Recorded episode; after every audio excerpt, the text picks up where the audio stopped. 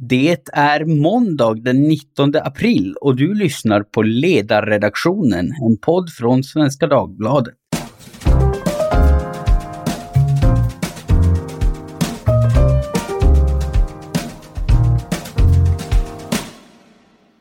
Jag heter Jesper Sandström och idag ska vi prata om en ny rapport som tidigare ESO-utredaren David Sundén har gjort för tankesmedjan Timbro.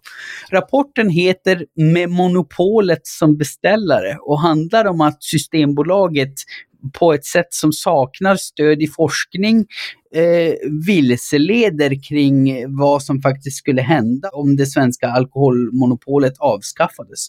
Och med mig för att prata om rapporten så har jag den nyss nämnde rapportförfattaren David Sundén. Hej David! Hej!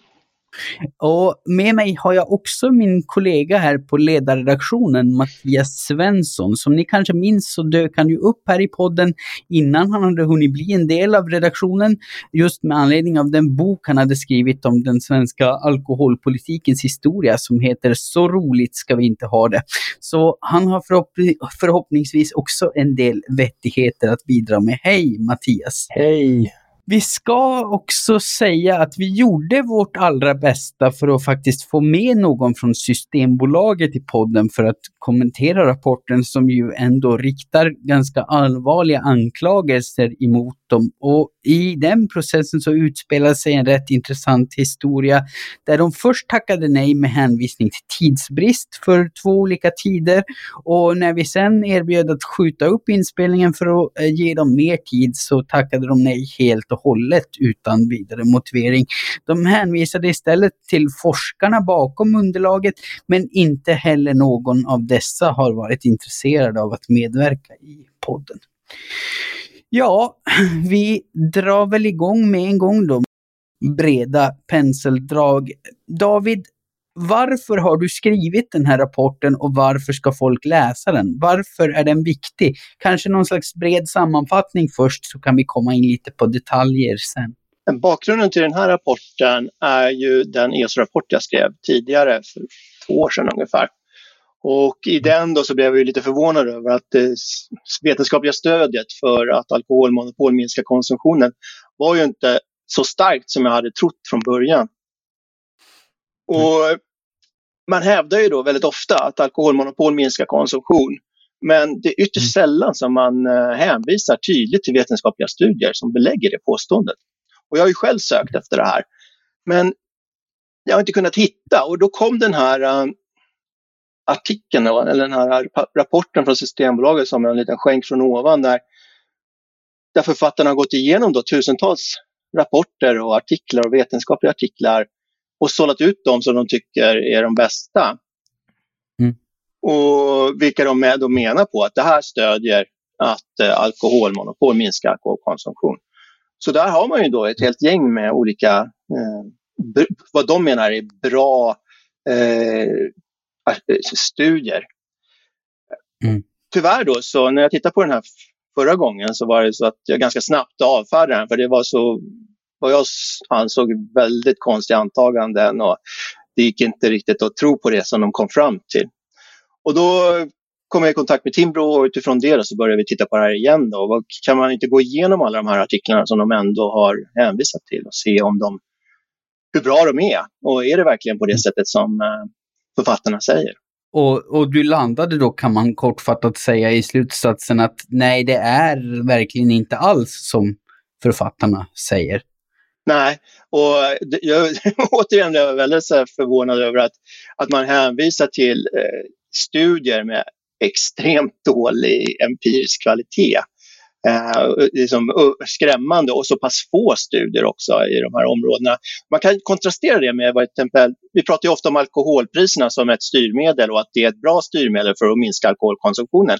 Och där om man bara söker på nätet och försöker hitta vetenskapliga studier som eh, belägger det så är det ju, hittar du snabbt flera tusen. Även om man bråkar om eh, hur mycket och sådär, det gör man ju, men jag tror det finns inte många som motsäger den eh, slutsatsen. Men stödet för ett, ah, ett, monopol i försäljning är betydligt svajigare. Alltså. Vi, vi ska gå in lite mer på, eh, i detalj på det sen. Men Mattias, du som ju har skrivit utförligt om svensk alkoholpolitik, skulle du säga att det här är något som går igen genom historien? Den här tendensen att kanske ta i lite för mycket och slira lite på sanningen? Lite både och skulle jag säga. Eh, alltså den svenska nykterhetsrörelsen är ju ökänd för att ha eh, oerhört fantasifulla eh, föreställningar om, om alkoholen eh, som, som de sällan bekymrat sig om att moderera. Men däremot de här ingenjörerna bakom svensk alkoholpolitik som inte minst läkaren Ivan Bratt. Han hade ju ganska tidigt uppfattningen och Brattsystemet föddes just av att han inte såg all alkoholkonsumtion som skadlig eller farlig eller sådär, utan han, eh, han ville ju undvika ett förbud och sen skapade han ett, ett fantastiskt regleringsmonster som på många sätt eh, inbjuder till både, både löje och kritik eh, som jag är med i min bok. Men, men han har ju inte eh, tullat på empirin i den, eh, i den meningen och jag har inte heller haft uppfattningen från början att det, att det funnits en sån tendens utanför de rena propagandisterna. Nej, nej okej. Okay. Men eh, David, du eh, sa ju här i början att ja, men du menar att det finns allvarliga problem i det här underlaget som Eh, Systembolaget lägger fram så att säga till stöd för sin egen existens. Om du, om du skulle ge ett exempel på ett sådant allvarligt problem, vad, vad, om du skulle välja det allra värsta? Jag skulle nog kunna välja det roligaste och det som är allra ja. värst för Systembolaget själva. Och det handlar ju om hur man tänker om pris och vad som skulle hända med priset om eh, vi gick mot en privatiserad marknad med konkurrens. Och, vi mm. till, och det spelar inte så stor roll om man tillåter bara alkoholbutiker att sälja alkohol eller om vi tillåter det även i livsmedelsbutiker. Då pratar man då om i den här rapporten om att en konkurrensutsättning av marknaden skulle innebära att priset på den allra billigaste alkoholen skulle falla. Och det med upp till 25 procent. Och då blir man ju som ekonom så där, eh, då börjar man ju skaka. Liksom, vad är det här, 25 procent?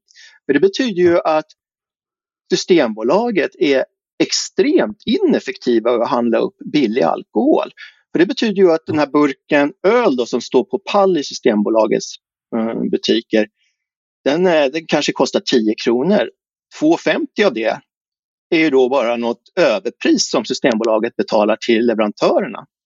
Och det, är, ja. det står ju klart och tydligt i, i den här rapporten att så blir det. Och Ja. Då, då, får man fråga sig, men hur, hur kan det komma sig? Vad, hur kunde Systembolaget släppa igenom ett sådant antagande? Och vad sa de till författarna när de kom och presenterade det här? För det, vad jag, min uppfattning är att Systembolaget är extremt uh, tydliga med att de har de bästa marknadspriserna när de handlar upp sin alkohol och speciellt då i det här billiga sortimentet. Så då gjorde jag en liten enkel bara beräkning. Hur mycket betyder det där då i reda kronor om det verkligen är så? Ja, det, är, det är ju 2,5 miljard som svenskarna betalar i överpris på de billiga alkoholdryckerna som boxvinerna och eh, de här billiga burkölen och så. Då. Ja, ja nej, det är ju det är rätt fascinerande att det bara seglade igenom. Men något som jag tycker är intressant, det, det, är ju antagandet att vinstintresse på en avreglerad marknad automatiskt skulle leda till ökad konsumtion på, på ett sätt som drabbar människor illa. Det antyds ju rätt friskt att det skulle bli så i den reklamfilm som Systembolaget själva har kört, där en, en slemmig amerikansk marknadsföringsguru talar om för dem hur de med enkla medel skulle kunna öka försäljning och intäkter. Men eh, filmen slutar med att den rättrådiga systembolagsbutikschefen tar avstånd från hans metoder och därefter så kommer en text som förklarar att alkoholmonopolet räddar ungefär 2000 liv varje år. Men du menar att det är inte riktigt så enkelt. Det finns inte alls ett så självklart samband att konsumtionen skulle öka för att det finns ett vinstintresse och privata alternativ. Nej, det, det, det, det finns något missförstånd där att vinstintresse per automatik leder till ökad konsumtion. Och vinstintresse är ju inte synonymt med att man vill sälja så mycket som möjligt. Man, vinstintresse är ju snarare synonymt med att man vill, vill sälja så, med så hög vinstmarginal som möjligt. Och, mm. och, det behöver inte handla om att man vill kränga på folk två flaskor eh, billigt vin utan kanske en flaska dyrare vin istället. Eh, det är den enkla då förklaringen. Och sen så kan man ju diskutera igenom vad är vinstintresse och hur, hur kommer det konsumenten till godo? Ja, det är ju mm. att du vill ju konkurrera om, om, om konsumenterna. Uh, du mm. kanske har en kampanj på öl eller vin eller någon annan livsmedelsprodukt. Och det mm. betyder ju inte per automatik att man köper mer utan det handlar ju om då att kunderna kommer till mig för att jag, idag har jag lägre pris på, på den här ölen, mm. idag har jag lägre pris på tomater och, och så mm. vidare. Men det måste ju jag på något sätt ta igen genom antingen ett högre pris tidigare eller ett högre pris senare. Ja. Så att det, det, det, är inte så uppenbart att bara för att man pratar om vinstintresse så innebär det mer konsumtion. Nej, nej precis. Och, och, och, och, det finns heller inget tydligt stöd för att det skulle vara så i, i, de, i det underlag som Systembolaget själva presenterar. Nej, och det är, det är ju det som är lite intressant här då. För det är såklart att det finns studier som visar på att om du eh, driver kampanjer så kommer du mm. öka din försäljning. Men det kommer ju då på mm. bekostnad av konkurrenterna som säljer mindre. Eh, mm. Och på bekostnad av eh, hur mycket du kan köpa, hur mycket du kan sälja innan kampanjen och hur mycket du säljer efter kampanjen. Uh, ja. Men där säger de att vi, vi hittar faktiskt, men i slutändan så är det en empirisk fråga naturligtvis, men där säger de att vi ja. hittar ju ingenting som stödjer det här. Nej, uh, nej. Och, och, men ändå, trots det, så slår de till med att uh, det finns en effekt. Mm. Mm. Nej, det, det är ju onekligen intressant. Men Alltså, om, om man ska vara lite djävulens advokat då, skulle inte monopolets försvarare kunna säga att jo, men vi, vi tar bara det säkra för det osäkra. Låt vara att vi kanske överskattar monopolets nytta nytta, men, men det görs ju åtminstone för folkhälsans bästa. Finns det inte en fara i att vara alltför optimistisk och ta allt för lättvindigt på det, de konsekvenser en avreglering skulle kunna ha? Vad, vad säger du om det, Mattias? Ja, jag tror, jag tror att man inte behöver vara så rädd, även om det förstås finns, eh, finns den typen av farhågor. Jag menar, alkohol är en drog och väldigt många människor far idag illa av den och, eh, och ingen önskar ju att det, det skulle vara fler. Utan, utan det är ju det allmänna bruket man vill ha så, så stort som möjligt. Och när jag har tittat på exempelvis eh, 90-talets och det tidiga 00-talets avreglering så är ju det slående där att hur lite av de farhågor som fanns som, eh, som levdes upp till. Visst, folk drack mer, men det, det är mycket andra grupper än de som redan drack mycket. Det, det, är, det är kvinnor, det är äldre, det är vardagsdrickande istället för, för berusningsdrickande till helgen. Eh, och mm. på det hela taget ett drickande som inte leder till de här vanliga konsekvenserna av, av våld och missbruk och utslagenhet, utan snarare skulle jag förmoda till, till större trevnad och kultur. Alltså precis det som i stort sett alla experter var eniga om inte skulle inträffa i Sverige som var liksom ett, ett traditionellt brännvinsland och aldrig skulle vara något annat, har inträffat på ganska kort tid.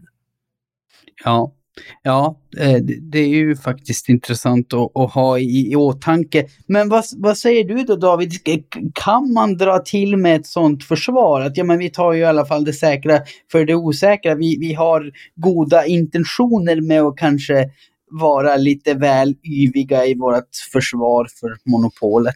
Jag tycker ju att man, man ska ta det här på allvar och göra det ordentligt. Men man kan ju inte komma med sådana här rapporter Eh, där det är så uppenbart eh, stora brister i, i, i underlagen och, och, komma fram till att alkoholkonsumtionen skulle öka med 20-30 procent bara i ett slag och inte, och inte ens vara beredd att diskutera den, eh, de siffrorna. Eh, eh, sen är det ju jätte... Jag har ju föreslagit att man ska se över det här och, och min, mina, min input är ju från ekonomisidan. Sen så finns det ju massor av olika sidor som måste liksom, tittas på för om man nu skulle vilja öppna upp för eh, konkurrens. Um, och, och, det ska man ju naturligtvis göra. Men, eh, men det här är ju inte en väg framåt. Eh, och, och, skriva sådana här saker där, som är så uppenbart eh, ja, jag skulle nästan i vissa fall korrupta.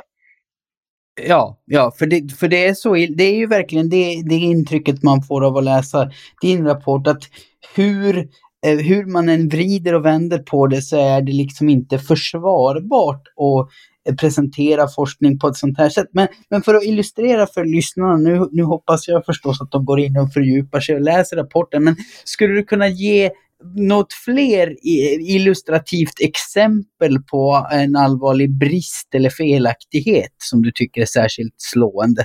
Mm.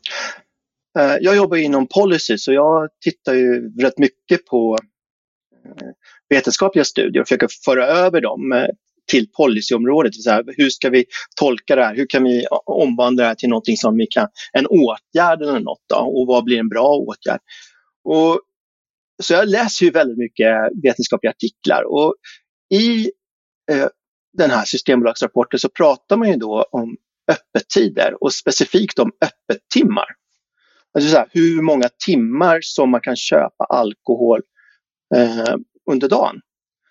Och då kommer ju de fram till att om, eh, om man då eh, avskaffar alkoholmonopolet och inför konkurrens så kommer öppettiderna då öka. Eh, och man räknar väl med att det skulle kunna öka upp till 12 till 14 timmar per dag, måndag och lördag. Då. Och nu pratar vi bara öppettimmar, inte öppetdagar, inte att vi skulle ha öppet på söndagar också. Och, och då har de ju gått igenom 1514 artiklar, har skrivit upp här. 1514 artiklar. Varav en artikel tyckte de uppfyllde kvalitetskraven. Eh, som bevisade då att eh, längre öppettider på dagarna leder till högre alkoholkonsumtion. Och då, vill, då, då, då är man ju först så här, bara en, fanns det bara en?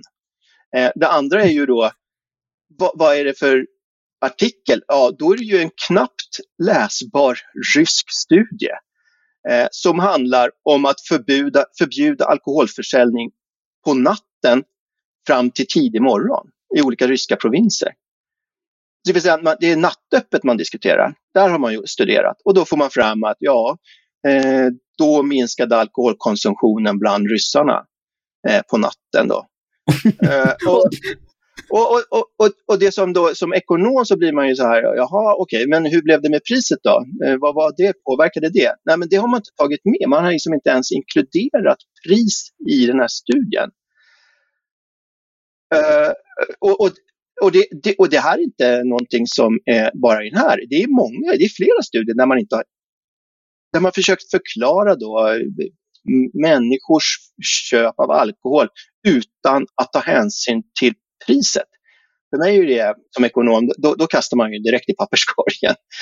Eh, och, så att det där är ju då, det, det, för mig är det här helt eh, uppåt väggarna. Så här kan man inte göra. Man kan inte ta en studie som är så dålig och sen säga att nu har vi bevisat att öppettider påverkar alkoholkonsumtionen.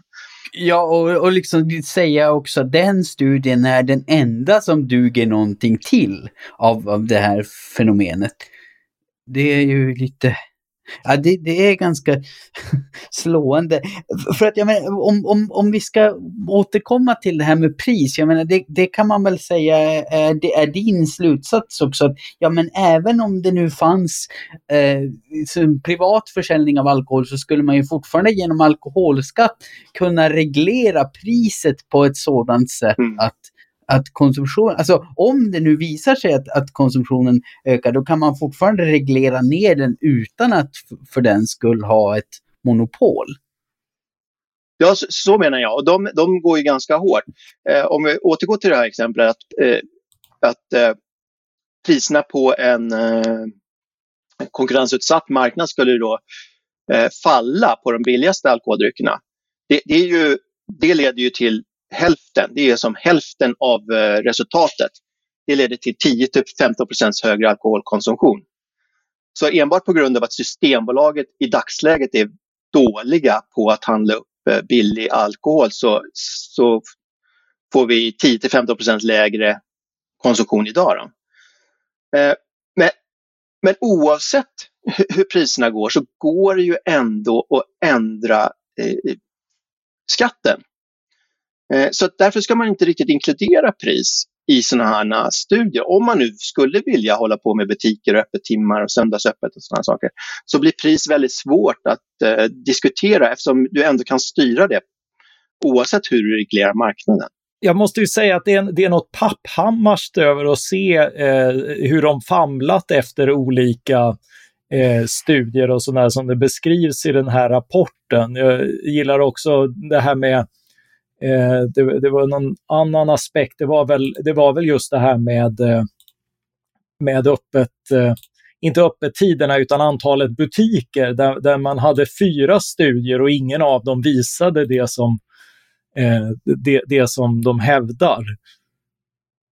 Nej, nej, nej alltså det är verkligen, det är verkligen papphammarskt och som, som hördes på mig här kanske. Det är, det är lite svårt att hålla sig för skratt eh, även om det fastnar i halsen. För man, man tänker att ja, men, de borde ju inse de borde ju själva ha ett intresse av att inse varför det här blir ohållbart och varför det här blir väldigt lätt för en kritiker att hacka hål på. Så jag vet inte, förhoppningsvis lyssnar de väl på den här podden och lär sig kanske lite till, till nästa gång.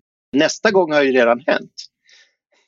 De har ju redan sålt den här typen av studier till finska Alko, det vill säga det, det finska systembolaget. Och då har de gjort samma beräkningar och visat på eh, hur, alkoholkonsumtionen skulle ändras givet vissa saker. Då. Uh, och, och även, det, är sam, det är samma studie, det är precis samma referens och så vidare. Och, och, det har de väl gjort tidigare också. Alltså den här Harold Holder och andra känner man ju igen sen tillbaka sen eh, de tog fram ett underlag eh, som hävdade ungefär samma saker redan eh, inför EU-omröstningen 1994. Mm. Ja precis, det här är väl, eh, nu ska vi se, det är väl fem, den här finska studien är väl 50 i raden nu där man gör den här typen av eh, beräkningar då på lite, oli lite olika men, men, om man lyfter då det här till, till liksom, eh, tillståndet i akademin, för det är, ändå, det är 11 forskare, många svenskar, prominenta, eh, ansedda namn. Det är också ansedda institutioner, Stockholms universitet, Karolinska institutet som har satt, eh, satt sin prägel på, på det här arbetet. Så det här borde ju enligt alla sådana ingående auktoritetskriterier vara eh, vara det bästa vi kan få fram. Eh, har, har, du fått någon respons David på, på, eh, på varför det är som diskrepans mellan, mellan liksom input och vad, vad vi får ut? Uh, nej, nej, ingenting. Uh, det, det, det är lite som en vägg. Va, vad sa de efter ESO-rapporten? Uh, det, det, ja, dels kommer ju alltid den där normala smutskastningen och, och så då, att jag är, eh, man eh, undergräver min trovärdighet och sen så drar man ju upp då samma saker. Det är samma rapporter, det är samma belägg om och om igen. Det, det, det kommer inget nytt. Och jag har ju frågat några gånger sådär att skicka, ge mig, ge mig eh, de här artiklarna som ni menar på visar på det här så jag får titta på dem. Men det, det har aldrig kommit någonting. Har du någon teori om varför det är så? Liksom varför ansedda akademiska institutioner lånar sig till den här sortens agerande? ja, ja, det är ju pengar såklart. Jag är ju ekonom. Nej, men eh, jag tror jag raljerar någon gång. Det är såklart att de inte tycker det här är kul, för de åker ju då jetplan runt världen och, och föreläser om det här. Eh, så att eh, om någon kommer och säger att det här var inte så bra så, så, så försvinner ju lite av deras eh, inkomstkälla. Ja. ja. Och det här är ju det här är ett stort problem när eh, akademin går ut och leker konsult. För, för eh, det, det, det, är ganska stora skillnader på att vara forskare och vara konsult. Det, det är, man måste ta mm. hänsyn till många andra saker än eh, när man ger sig ut som forskare in i en marknadsmässig konsultverksamhet. Och det är väldigt ja. lätt det är väldigt lätt att förblindas av alla de här pengarna som kommer flygande. Jag ska inte anklaga någon av dem för att, att det ska vara på det sättet, men, men det är min teori. Ja mycket mer eh, teoribildning får vi inte förrän vi kanske någon vacker dag får eh, medverkan av de som faktiskt eh, står bakom studierna för att höra vad, vad de har att, att säga till sitt försvar. Men, men alltså, om, om vi ska eh, tala återigen om det här agerandet på lite bredare nivå. Alltså det är väl på sätt och vis naturligt att organisationer har en inneboende självbevarelsedrift, att de försöker rättfärdiga sin egen existens så gott det går. Men om det nu är så illa som David påstår här i sin rapport, att, att ett statligt bolag faktiskt missleder allmänheten till förmån för sin egen fortsatta verksamhet. Tror du Mattias att det här är något som finns bortom bara Systembolaget och något som det behövs en större vaksamhet inför det här att statliga aktörer överdriver sin egen viktighet och oumbärlighet? Ja, det här, det här är ju ett ganska känt eh, problem som var uppe uppe i, innan Alliansen tillträdde på 2006 så, så var en av deras punkter att eh, ifrågasätta och, och försöka få bort just den här statliga propagandan. För det var ju även så att biståndsmyndigheten Sida drev stora kampanjer om sin förträfflighet och sånt där. Det, det har, gått, det, det, har liksom beställts oerhört mycket konsulter och annat för att visa på myndigheters förträfflighet. Och idag Tyvärr hamnade det i en utredning som blurrade ihop alla begrepp och förklarade att nej men eftersom vi inte kan hindra myndigheter från att behöva rekrytera och då måste de ju framställa sig själv som bra så, så, kan, vi inte, så kan vi inte dra någon gräns här mot vad som är, vad som är propaganda. Och då blev det liksom istället proppen ur och efter det så har, så har Systembolaget blivit väldigt mycket mer av en politisk aktör, inklusive att de, de bedrivit kampanjer riktade mot oppositionspartiers eh, eh beslutande församlingar. Eh, Centerpartiet har ju varit den mest högljudda rösten för eh, gårdsförsäljning och då startade alltså Systembolaget, en statlig myndighet, en, en kampanj mot gårdsförsäljning riktad mot Centerns stämma. Eh, och det är ju sånt där man, vi i vanliga fall förknippar mer med bananrepubliker än annat. Och, men, men till och med med vetskap om det och vetskap om att det här kommer av att Systembolaget hamnade i lite grann av en kris på grund av den stora mutskandal man, man skapade under början av eh, kring millennieskiftet. Eh, där, där liksom, när man fick fler leverantörer att välja på så eh, eftersom personalen var van att och, och agera utan, utan insyn och annat så, så, eh, så, så, eh, drog chefer fördelar av det där helt enkelt och, och, det blev en stor korruptionsskandal.